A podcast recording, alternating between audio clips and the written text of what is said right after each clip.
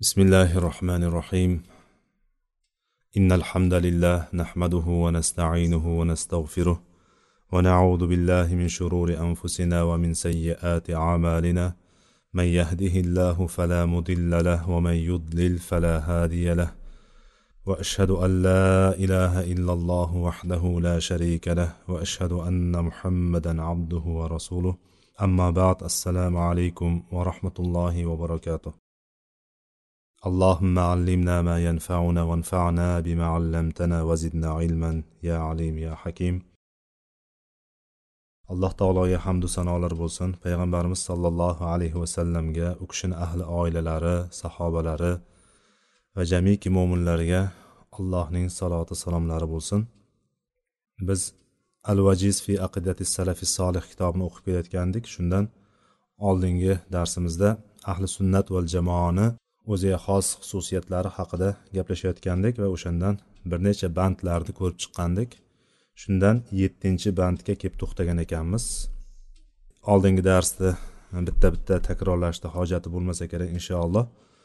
Ahli sunna va jamoani xususiyatlari o'ziga xos xususiyatlaridan yana biri ya'ni bu yerda muallif hafizahulloh keltirgan matnda yettinchi band bo'lib kelyapti. Bu yerda innahum la yuammimunal hukma ويجمعون بين النصوص الشرعية في المسألة الواحدة ahli sunnat val jamoat hukmlarni umumiy qilib ya'ni bir masalada hukmlarni umumiy qilib balki ular bitta masalada kelgan shar'iy naslarni shar'iy matnlarni hukmlarni hammasini bir oraga jamlaydi hammasini bir oraga jamlab atroflicha qaraydi va mutashobih bo'lganlarini muhkamlariga mujmal bo'lganlarni mubayyan ochiq ravshan bo'lganlariga mutloq aytilganlarni muqayyadiga qaytaradi. Va shu bilan ular o'rtada chiqadigan qarama qarshiliklardan salomat qolishadi va haqqa yetishadi. Ya'ni bitta masalada qaraydigan bo'lsak masalan hadis kitobni olib hadis o'rganayotgan bo'lsak deylik bir hadis olib turib hadis kitob o'qiyapmiz. O'qiganimizda bir misol qilib olishligimiz mumkin. Imom buxoriyni kitoblarini ochib o'qiydigan bo'lsak juma bobiga kelganimizda o'qiymizki payg'ambar sollallohu alayhi vasallam juma kuni qizil libosda chiqdilar. Namozga qizil libosda chiqdilar va xutba qizil libosda xutba qildilar. Sahobalar aytishadiki biz o'sha kunda payg'ambar sollallohu alayhi vasallamni qizil libosda bundan ko'ra chiroyliroq bir holatda ko'rmagandik deyishadi. Buni o'qigan kishi mana shu masalada qizil libos haqida erkaklarga tegishli bo'lyapti bu hukm. Oladida boyagi hukmni olib turib demak qizil kiyish payg'ambar sallallohu alayhi vasallam kiygan ekan demak sunnat bo'ladi kiygan bo'lsa payg'ambarimiz. Va sahobalar ham bu narsani maqtab aytishyapti. Deydida demak nima qiladi? Qizil libosni kiyadi. Bu bir tarafdan olganda o'sha yerda hadis borligi to'g'ri. Lekin masalaga atroflicha qaramaganligi bilan bu xato o'ringa tushadiki chunki payg'ambarimiz sallallohu alayhi vasallam qizil libosdan qaytarganlar erkakni erkaklarni. Qizil libos kiyishlikdan qaytarganlar. Ba'zi bir o'rinlarda ba'zi bir sharoitlarda jihod maydonida ba'zi bir o'rinlarda ruxsat berilganligini ruxsat tarafini olmaydigan bo'lsak umumiy olgan paytimizda boshqa o'rinda payg'ambar sallallohu alayhi vasallam buni qaytarganlar. Demak shundan ko'rinadiki bunga bir qancha misollar keltirishimiz mumkin aslida.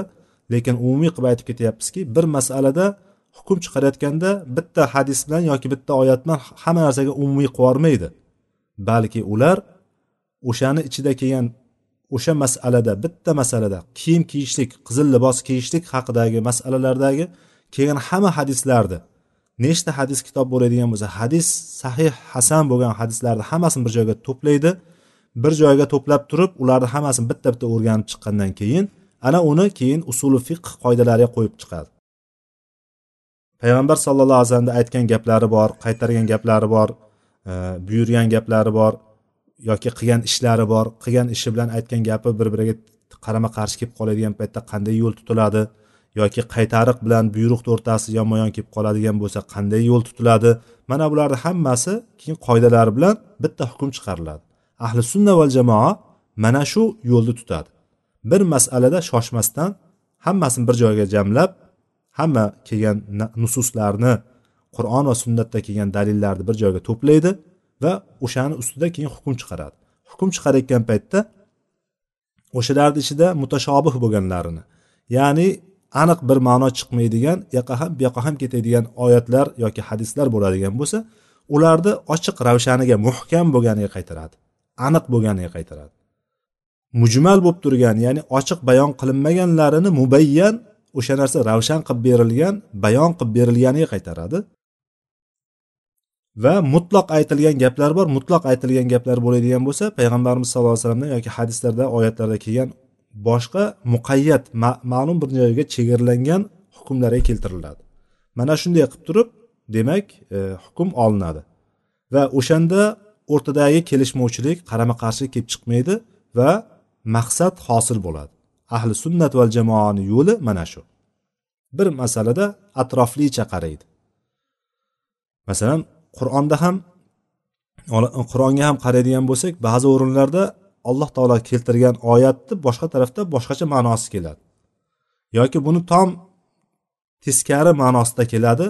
Buni qanday tushunamiz deydigan bo'lsak buni albatta bizga tafsirlarimiz va olimlarimiz tushuntirib beradi buni.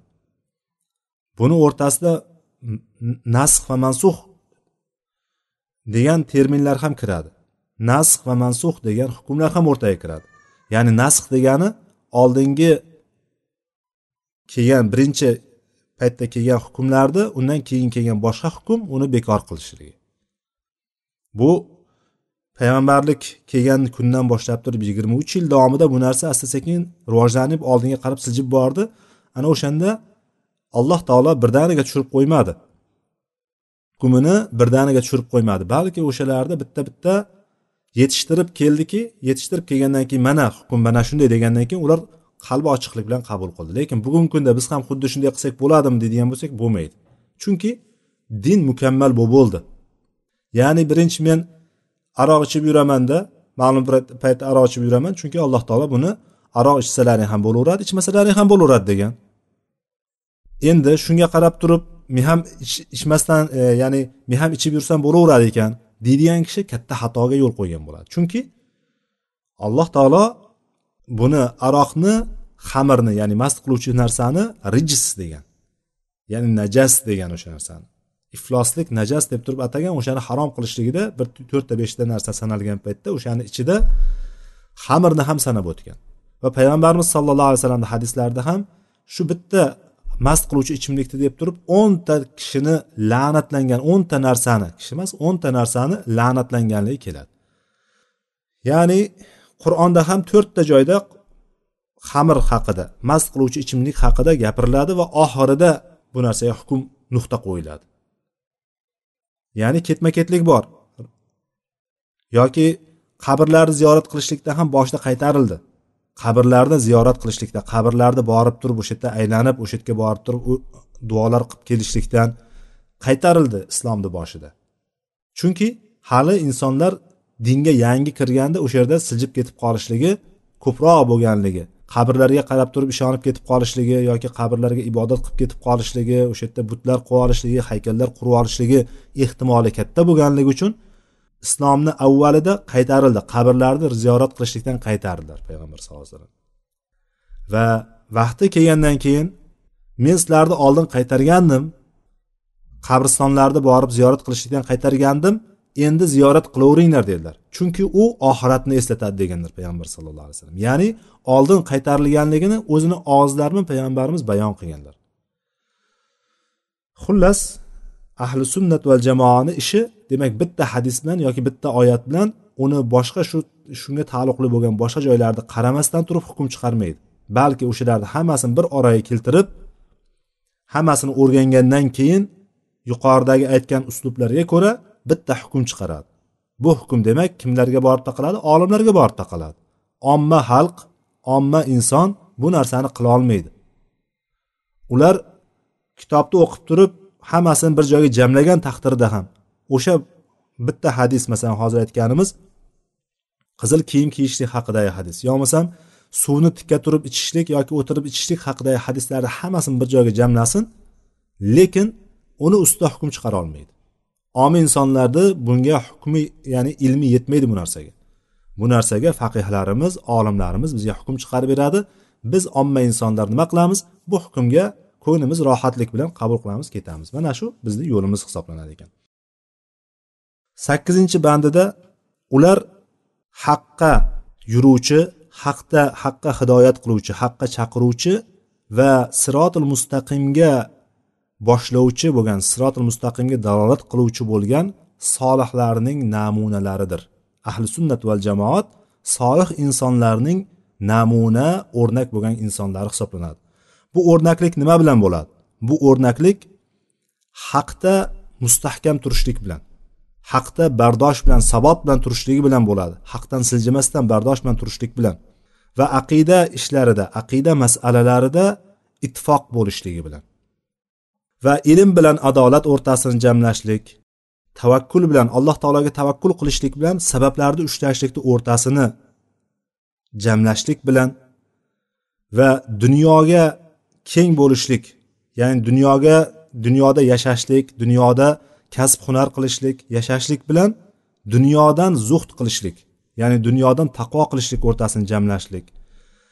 Qo'rquv bilan umid va muhabbat bilan nafrat bo'g'izni o'rtasini ya'ni bo'g'zi adovat qilishlik o'rtasini jamlaydilar jamlashlik bilan o'rnak bo'ladilar va mo'minlarga nisbatan mehribon bo'lishlik ularga nisbatan yumshoq bo'lishlik bilan kofirlarga nisbatan qattiq qo'l va shiddatli bo'lishlik o'rtasini jamlaydilar.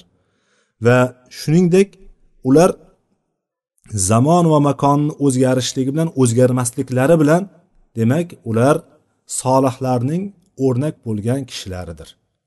Ahli sunnat val jamoat ya'ni yuqorida aytilganimizdek mana shunday sifatlarga ega bo'ladi. Ularni eng birinchi o'rni nima ekan? Ular din ustida haqiqat ustida sobit bo'lishliklari hech narsa ularni siljitmaydi haqiqat ustida sobit qadam turadi. Qarshilarida nima tursa ham kim tursa ham qanaqa narsa keladigan bo'lsa ham ular sabot bilan turishadi. Aqida masalalarida hammasi ittifoq ular. Aqida masalalarida ixtilofga tushmagan kelishmovchilikka kirmagan ya'ni aqida masalalarida ular ittifoq bo'lgan insonlar va bu ittifoqliklari yuqoridagi haqni ustida turishliklari o'z o'zidan bo'lmagan ular. Ilm bilan ibodatni o'rtasini jamlagan. Ya'ni ibodat qilaman deb turib shariatda bo'lmagan bidatlarga kirib ketib qolmagan ular. Qilayotgan ibodatlarini ilm bilan qiladi. Ya'ni o'sha narsani bilib turib qiladi. Allohga tavakkul qilyapman ekan deb turib hamma narsani yig'ishtirib qo'ymaydi. Allohga tavakkul qilishlik sabablarni ushlashlik bilan qiladi. Sabablarni ushlayman deb turib allohga tavakkulni esdan chiqarib qo'ymaydi. Sabablarni ushlagan kishi yuz foiz hamma sababni qildi. Biz o'zimiz tajribalarimiz bilan qaraydigan bo'lsak demak sabablarni hammasini yuz foiz qildi. Hamma narsa qildi. Yo'lni ham qildi odamini ham topdi pulini ham topdi hamma narsa joyi joyida bo'lib turibdi. Bu narsa mutlaqo bo'ladi deydigan bo'lsa allohga tavakkulni chiqarib qo'yadigan bo'lsa bu narsa ahli sunnat va jamoatni e'tiqodidan tashqaridagi narsa bo'ladi. Ya'ni sabablarni hammasini yuz foiz qilib qo'yganlik bilan eng asosiy narsa qolyaptiki sabablarni yuzaga chiqaruvchi zotni unutib qo'yyapti. O'sha sabablarni yer yuziga qo'yib qo'ygan zotgina u narsani o'sha sabablarni ro'yobga chiqarishligi mumkin. Shuning uchun allohga tavakkul qilayotgan kishi sabablarni ushlashlik ikkalasini o'rtasini jamlaydi. Bu narsa sabablarni ushlashlik sabablarni ushlashlik tavakkulga zid emas. Xuddi shuningdek agar tavakkulni faqatgina allohgagina qilyapman deb turib hamma narsani hech narsa qilmasdan olma pish og'zimga tush degandek qiladigan bo'lsa bu ham ahli sunnat val jamoatning e'tiqodida emas. Lekin tavakkulni darajasiga qarab turib mana shu yerda bir nozik nuqta bor. Tavakkulni insonni allohga bo'lgan suyanishligini darajasi insonlarda har xil bo'ladi. Qalbda har xil bo'ladi. Qalblar har xil bo'lganidek besh qo'l barobar bo'lmaganligidek insonlar allohga bo'lgan iymoni yaqini tavakkuli bilan ajraladi bir biridan farqlanadi. Payg'ambar sallallohu alayhi vasallamni yoniga bir sahoba keldi. Qo'lida bir yong'oqday keladigan yoki undan kattaroq mana shunday qo'lda ushlanadigan yong'oq yong'oq qatari bir tilla ko'tarib keldi. Yo rasululloh mana shuni ollohni yo'lida sarf qilmoqchiman ollohni yo'lida sadaqa qilmoqchiman deb keldi. Va bor butun shu dedi. Ya'ni butun oilamdagi bor narsa mana shu dedi. Ya'ni butun boyligim mana shu dedi. Payg'ambar sallallohu alayhi vasallam olmadilar olmadilarda boshqa tarafga qarab burildilar. Boyagi sahoba yana aylanib kelib turib yo rasululloh mana shuni ollohni yo'lida sadaqa qilmoqchiman deb payg'ambarimiz boshqa yoqqa yuzini bursa yana o'sha tarafga borib turib aytaverdi. Payg'ambarimiz sallallohu alayhi vasallam oldilarida boyagi anavi qo'ldagi oltinni oldilarida tillani oldilarida boyagiga qarab turib uloqtirdilar. Agar tekkanda bir joyini yorardi o'shani. Ya'ni shunaqa jahllari chiqdi payg'ambar sallallohu alayhi vasallamni. Sizlardan bittalaring bor butun olib keladida hamma narsasini olloh yo'lida sarflayman deydida ertaga tilamchilik qiladi dedilar. Ya'ni bu narsa inson orttirgan narsasidan sadaqa sadaqa berishlik bu narsa eng afzal bo'lgan. Lekin buni muqobilida qaranglar hozir men tushuntirmoqchi bo'lgan narsaga olib kelyapman tavakkulni aytyapman. Demak boyagi inson beryaptida ertaga o'zi tilanchilik qilib qolyaptimi o'zi tilanchilik holatiga tushib qoladigan bo'lsa demak bu tavakkuli hali mukammal emas degan. Chunki hamma narsasini berib qo'ydi ertaga o'zi qiynalib qolib so'rayaptimi? Demak allohga haqiqiy tavakkul qilolmayapti. Allohda roziq ekanligiga allohni razzoq sifatiga haqiqiy mo'min bo'lolmayapti bir g'azotlardan birida payg'ambar sallallohu alayhi vasallam ehson qilishlikka sadaqalar qilishlikka targ'ib qildi sahobalarni. O'sha targ'ib qilinganda umar roziyallohu anhu butun mol mulkini yarmini olib keldi. Butun mol mulkini yarmini olib keldi. Nechi pul puli bo'ladigan bo'lsa hamma ya'ni bilganimiz ya'ni qo'lida nechi pul nimasi bo'ladigan bo'lsa o'shani yarmini olib kelib turib alloh yo'lida sadaqa qildi. Payg'ambarimiz sallallohu alayhi vasallam ey umar oilangga nimani qoldirding? dedilar. Allohga ya'ni allohni yo'lida yarmini olib kelib sarfladi oilangga nima qoldirding? deganda oilamga yarmini qoldirdim dedilar. Birpasdan keyin abu bakr kelib qoldi. Abu bakr ham butun yoniga payg'ambarimiz sallallohu alayhi yoniga mol mulkini qo'ydi. Ey abu bakr ollohni yo'l ya'ni ollohni yo'liga narsa olib kelibsan oilangga nima qoldirding deb so'radi. Oilangga nima qoldirding deganda allohga e, oilamga olloh va rasulini qoldirdim deb aytadi. Ya'ni bor butun hammasini olib kelgan. Lekin payg'ambar sallallohu alayhi vasallam abu bakrga rad qilmadilar. Abu bakrni qaytarmadilar. Sen nima qilyapsan?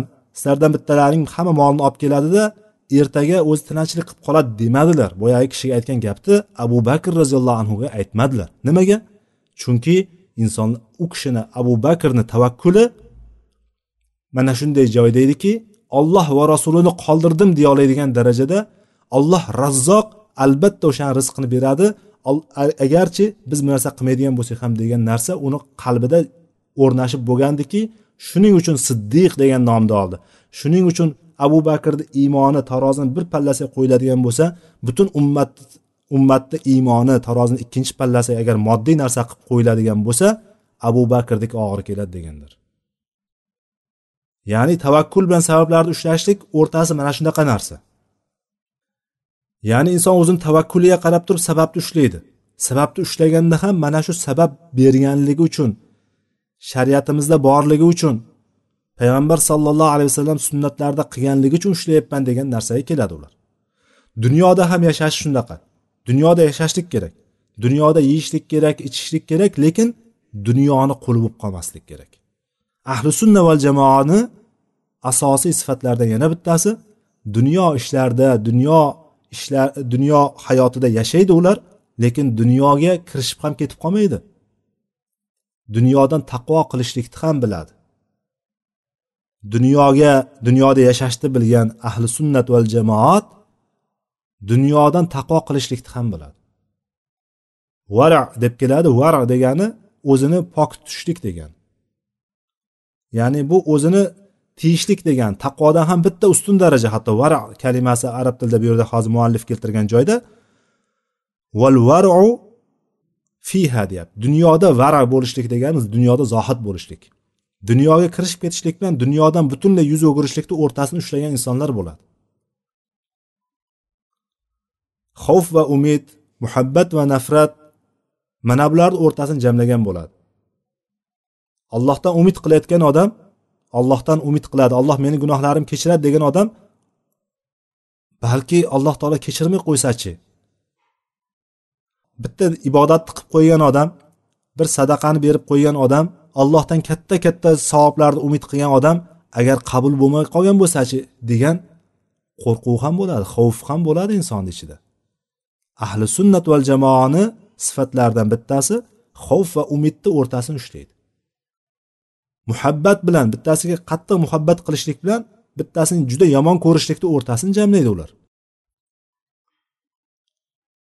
Mo'minlarga nisbatan muloyim bo'lishligi mo'minlarga nisbatan mehribon bo'lishligi bir tarafga bo'ladigan bo'lsa kofirlarga nisbatan qattiqqo'l bo'lishi va shiddatli bo'lishlikni ham biladi.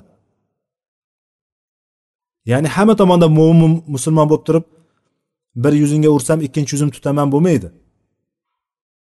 Nima desa ho'p deb turib egilib ko'ksiga qo'lini qo'yib ketaveradigan bo'lmaydi mo'min kishi. Kofirlarga nisbatan ular qattiq qo'l bo'la oladigan bo'ladi. Kofirlarga nisbatan ularga tik gapira oladigan bo'ladi. Mana shuni o'rtasini jamlaydi ular. Mana shu bilan ahli sunna val jamoat ahli sunnat val jamoat solihlarning o'rnaklari hisoblanadi. Solih insonlarning o'rnak bo'lganlari qudvasi hisoblanadi. Innahum qudvatu solihin deyapti mana muallif. Ular solihlarning qudvasi ya'ni o'rnak bo'lgan insonlar hisoblanadi.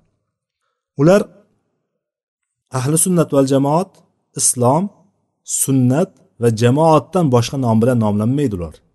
Shu paytgacha ham nomlanmagan bundan keyin ham nomlanmaydi. Ahli sunnat val jamoat yo islom ummati deyiladi yo ahli sunna deyiladi yo ahli sunna val jamoa deyiladi. Bundan boshqa nomi yo'q ularni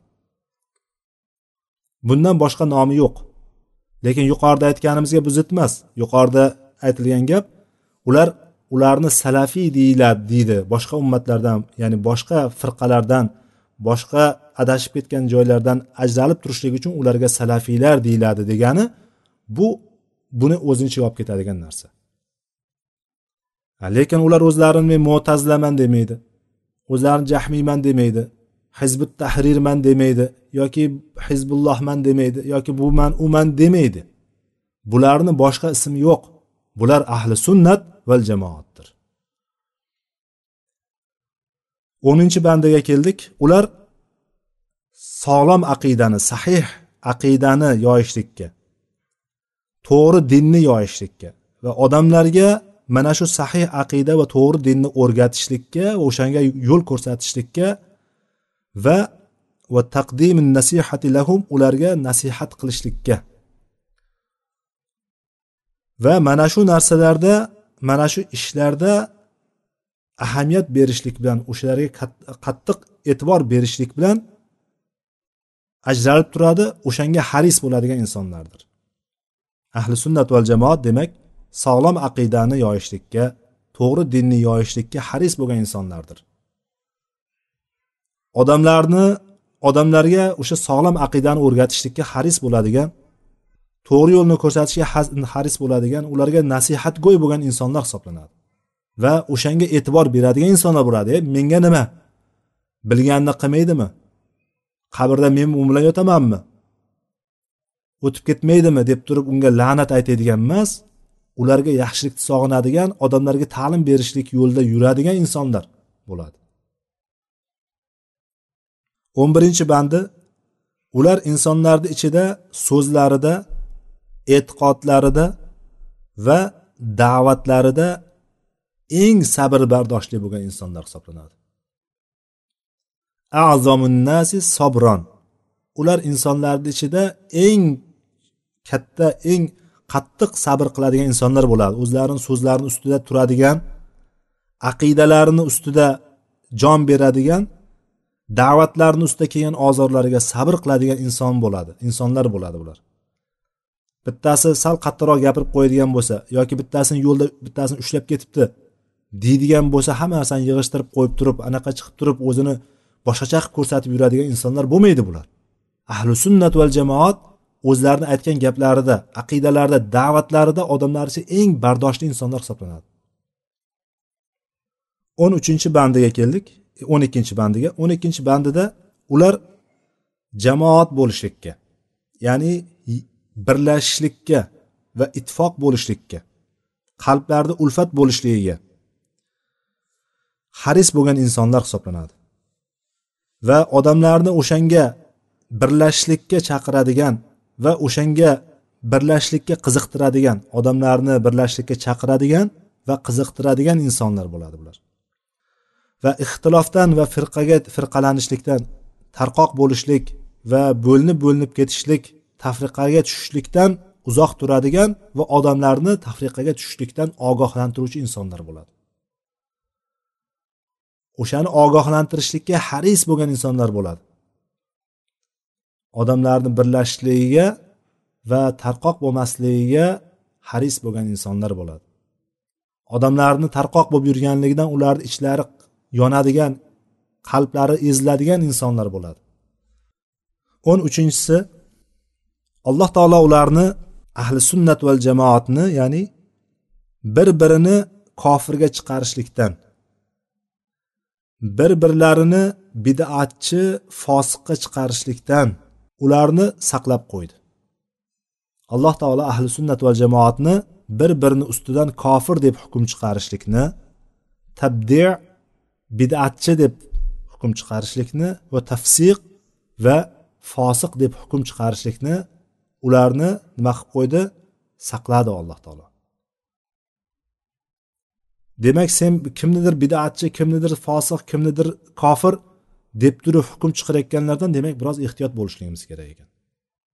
Chunki ular ahli sunnat val jamoatni manhajidan boshqa manhajga tushib qolgan insonlar bo'ladi. O'zlarini ahli sunnatmiz biz firqati nojiyamiz biz haqiqiy salafi solihmiz deb turgan bo'lsayu lekin boshqa birini ayblab turgan bo'lsa demak biroz ehtiyotroq bo'lib muomala qilishligimiz kerakki uni so'zlarini aytayotgan gaplarini qilayotgan ishlarini biroz qur'on va sunnatga solishtirib ko'ramiz.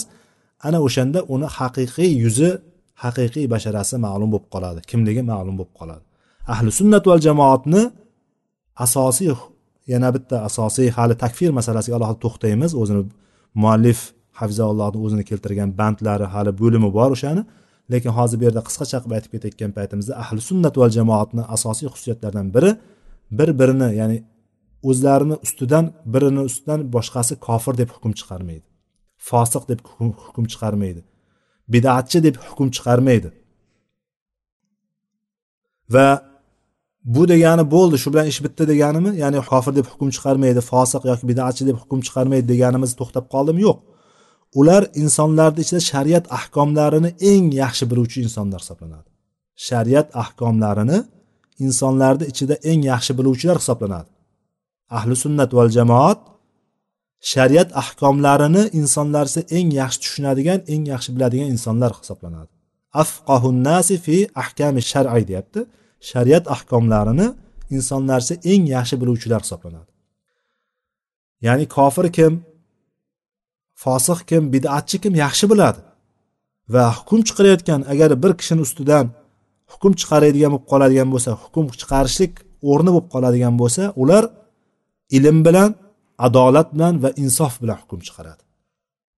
Agar shunaqa hukm chiqarish o'rniga kelib qoldik kimnidir kofir deyishligimiz kerak yoki kimnidir bidatchi deyishligimiz kerak kimnidir fosiq deyishligimiz kerak yoki bir amalni qilinayotgan ishni noto'g'ri ekanligini bir hukm chiqaradigan o'ringa kelib qolsa ahli sunnat val jamoat o'shalarni ustida birinchi o'rinda ilm bilan johillik bilan emas o'zini nafsiga ergashishlik bilan emas havosiga ergashishlik bilan emas o'zini shaxsiy adovati bilan emas yoki oldiga qo'ygan bir maqsadiga qarab emas o'zini oldiga qo'yib qo'ygan bir maqsadi bo'ladigan bo'lsa maqsadiga teskari bo'lgan odamlarni hammasini kofir deb turib bir chekkadan qilichdan o'tkazishlik emas.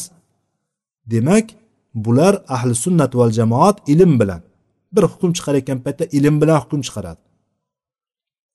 Ixtilofli masalalarni ko'tarib olib turib bizniki to'g'ri boshqalarniki noto'g'ri bizga noto'g'ri bo'lganlarni hammasi zalolatda hammasi kofir deb turib hukm chiqarmaydi. Ummatni salaflari ixtilof qilgan ba'zi bir masalalar bor. E'tiqod masalalarida ham takfir masalalarida ham. Shunga o'xshagan bir ba'zi masalalarni ko'tarib olib turib o'rtaga qo'yib olib turib o'ziga bir tarafni bir tarafni ushlab olib turib narigi tarafda bo'lgan hammasini kofirga chiqarishlik bu ahli sunnat va jamoatni ishi emas. Ahli sunnat va jamoat ixtilofli masalalarda to'g'ri yondashadi. Ixtilofli masalalarda o'zi bir yo'lni qaraydi o'zini ilmi yetgan butun narsalarni ko'rib chiqib bitta o'sha ixtilofli masalalardan ixtilof degandan keyin ikkita yoki uchta fikr chiqadi o'sha bitta masalada. O'sha masalalardagi bitta fikrni oladi u. ahli sunnat va jamoatga tegishli bo'lgan insonlar olimlar bittasini oladi o'shani. Qolgan ikkitasiga mansub bo'lganlarida bo'lsa ularni ayblamaydi.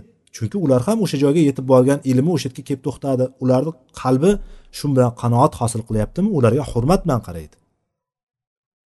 Ularni fikrlarini ularni e, dunyo qarashlariga hurmat bilan nazarda qaraydi hurmat bilan o'shanga muomala qiladi. Ya'ni sen bidatchisan sen kofirsan sen fosiqsan deb turib hukm chiqarmaydi ixtilofli masalalar bilan. Ixtilofli masala bilan hukm chiqarilmaydi bu aniq. Demak ahli sunnat val jamoat yana takrorlayman. Ilm bilan hukm qiladi. Birinchi o'rinda ilm bilan undan keyin adolat bilan va insof bilan. Ilm adolat insof bilan hukm qiladi. Bundan tashqariga chiqmaydi.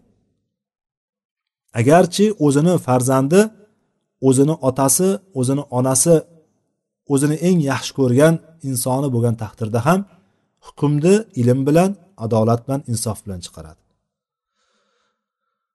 O'n to'rtinchi bandi va oxirgi bandi bu yerda keltirayotgan muallifni oxiriga keltirgan bandi o'n to'rtinchi band ekan. Ahli sunnat va jamoatni o'ziga xos xususiyatlaridan ular o'zaro bir birlariga nisbatan muhabbatli bo'ladi. Bir birlariga nisbatan rahm shafqatli bo'ladi. Ular bir birlariga haqlariga duo qiluvchi. Bir birlarini himoya qiluvchi. Bittasini aybini ikkinchisi to'suvchi. Va faqatgina din asosiga ko'ra do'stlik va dushmanlik qiluvchi kishilar bo'ladi. Bir kishiga do'st tutishligi va bir kishini dushman tutishligi faqat din asoslariga ko'ra bo'ladi. Mana shunday insonlar bo'ladi. Demak ahli sunnat val jamoat alloh taologa itoat qilishlikda bir biriga nisbatan muhabbatli bir biriga yaxshilik sog'inuvchi yaxshilik tilovchi insonlar bir birlariga rahm shafqatli bo'lgan insonlar va bir birlariga duoyi xayrda bo'ladigan yaxshilik bilan duo qiluvchilar bo'ladi va bir birlarini himoya qiluvchi va bittasini aybini bittasini kamchiligini boshqasi to'suvchi bo'ladi. Mana shular bilan alloh taologa ibodat qilishadi alloh taologa itoat qilishadi va ularni do'stlashuvi ham dushmanlashuvi ham din asoslariga ko'ra bo'ladi. Xullas ahli sunnat val jamoat eng go'zal axloqli insonlar bo'ladi. Insonlarni ichida eng go'zal axloqlisi bo'ladi. Alloh taologa itoat qilishlikda alloh taologa toat ibodat qilishlikda o'zlarini nafslarini poklovchi nafslarini tarbiya qiluvchi nafslarni tarbiya qilishlikka eng haris bo'lgan insonlar bo'ladi. Ahrasuhum ala zakati nafs deyapti anfusihim deyapti. Insonlarni o'zlarini nafslarini poklashlikka nafslarini tarbiya qilishga tazkiyatu nafs deganimiz o'zimizni tarbiya qilishligimiz nafsimizni tarbiya qilishligimiz. Nafslarimizni tarbiya qilishlikda o'shanga eng haris bo'lgan insonlar bo'ladi. Ular saviyasi baland bo'lgan saviyasi keng saviyali va uzoqni ko'ra oladigan insonlar bo'ladi. Ixtilofli masalalarda eng bag'ri kenglari bo'ladi. Ixtilofli masalalarda ixtilofli o'rinlarda bag'ri keng bo'lgani bo'ladi. Tor joyga kirib olib turib o'sha yerda janjal chiqaradigan bo'lmaydi. Va ixtilof masalalarini ixtilofli masalalarda ixtilofli o'rinlarda ular o'shani odoblarini va o'shani asoslarini yaxshi bilgan jamoat hisoblanadi. Ixtilof o'rnida qanday o'zini tutishlik kerak? Uni odobi qanaqa? Qanaqa qonun qoidalari bor? degan narsalarni yaxshi biluvchi insonlar bo'ladi. Demak ahli sunnat val jamoat birinchi o'rinda aytganimizda ahsanun nasi axloqan mana shu joyi demak eng ahamiyatli bo'lgan joyi insonlarni ichida eng axloqli bo'lgan insonlar bo'ladi. Xulqi eng go'zal bo'lganlari bo'ladi. Demak biz o'zimizni bir tekshirishimiz kerak ekan. Har doim biz ahli sunna val jamoaga o'zimizni nisbat qilamiz. Men ahli sunna val jamoatdanman deymiz. Hamma aytadi. Lekin yuqorida aytilgan qisqacha e, muallif hafizaulloh keltirgan mana shu o'n to'rtta bandga qaysi biriga men tushyapman qaysi biriga tushmayapman o'zimizni biroz sayqallab olishligimiz kerak. O'shanga bir o'zimizni bir qolipga solib olishligimiz kerakki qani qolipga tushamanmi yo'qmi? Qolipga tushadigan bo'lsak alhamdulillah deylikki biz buni o'zimizcha qilib olganimiz yo'q. Alhamdulillah deylikki alloh taolo bizni shunga hidoyat qilib qo'ydi. Alhamdulillahillazi hadana li hada alloh taologa hamdu sanolar bo'lsinki alloh taolo bizni mana shu narsaga hidoyat qilib qo'ydi. O'zi bizga yo'lni ko'rsatib qo'ydi. Agar alloh taolo bizni mana shunga hidoyat qilmaganda edi biz o'zimizni o'zimiz to'g'ri yo'lga boshlab olgan boshlolmagan bo'lardik. Alloh taolo bunday ne'matni berdimi? Allohga hamd aylaylik. Agar bu qolipdan tashqarida qolib ketadigan joylarimiz qismlarimiz bo'ladigan bo'lsa o'shani sekin sekin ichkariga olishlikka o'sha qolipni ichiga tushirishlikka harakat qilishligimiz kerakki bu darslarni o'qishlikdan bu darslarni o'rganishlikdan maqsadimiz ham shu. Biz ahli sunnat val jamoat deb o'zimizni nisbatlaganimizdan keyin mana shu sifatlarga biz ega bo'lishligimiz kerak va ahli sunnat val jamoatni dunyoqarashidek dunyoqarashga ega bo'lishlikka harakat qilishligimiz kerak ekan. alloh taolo bizni ahli sunnat val jamoat e'tiqodida mustahkam qilsin mana shu e'tiqodimizni o'rganishlikni va unga amal qilishlikni va insonlarga o'rgatishlikni hammamizga alloh taolo nasib qilsin o'zi tavfiq bersin vallohu alam va axiru davana alhamdulillahi robbil alamin سبحانك اللهم بحمدك أشهد أن لا إله إلا أنت أستغفرك وأتوب إليك والسلام عليكم ورحمة الله وبركاته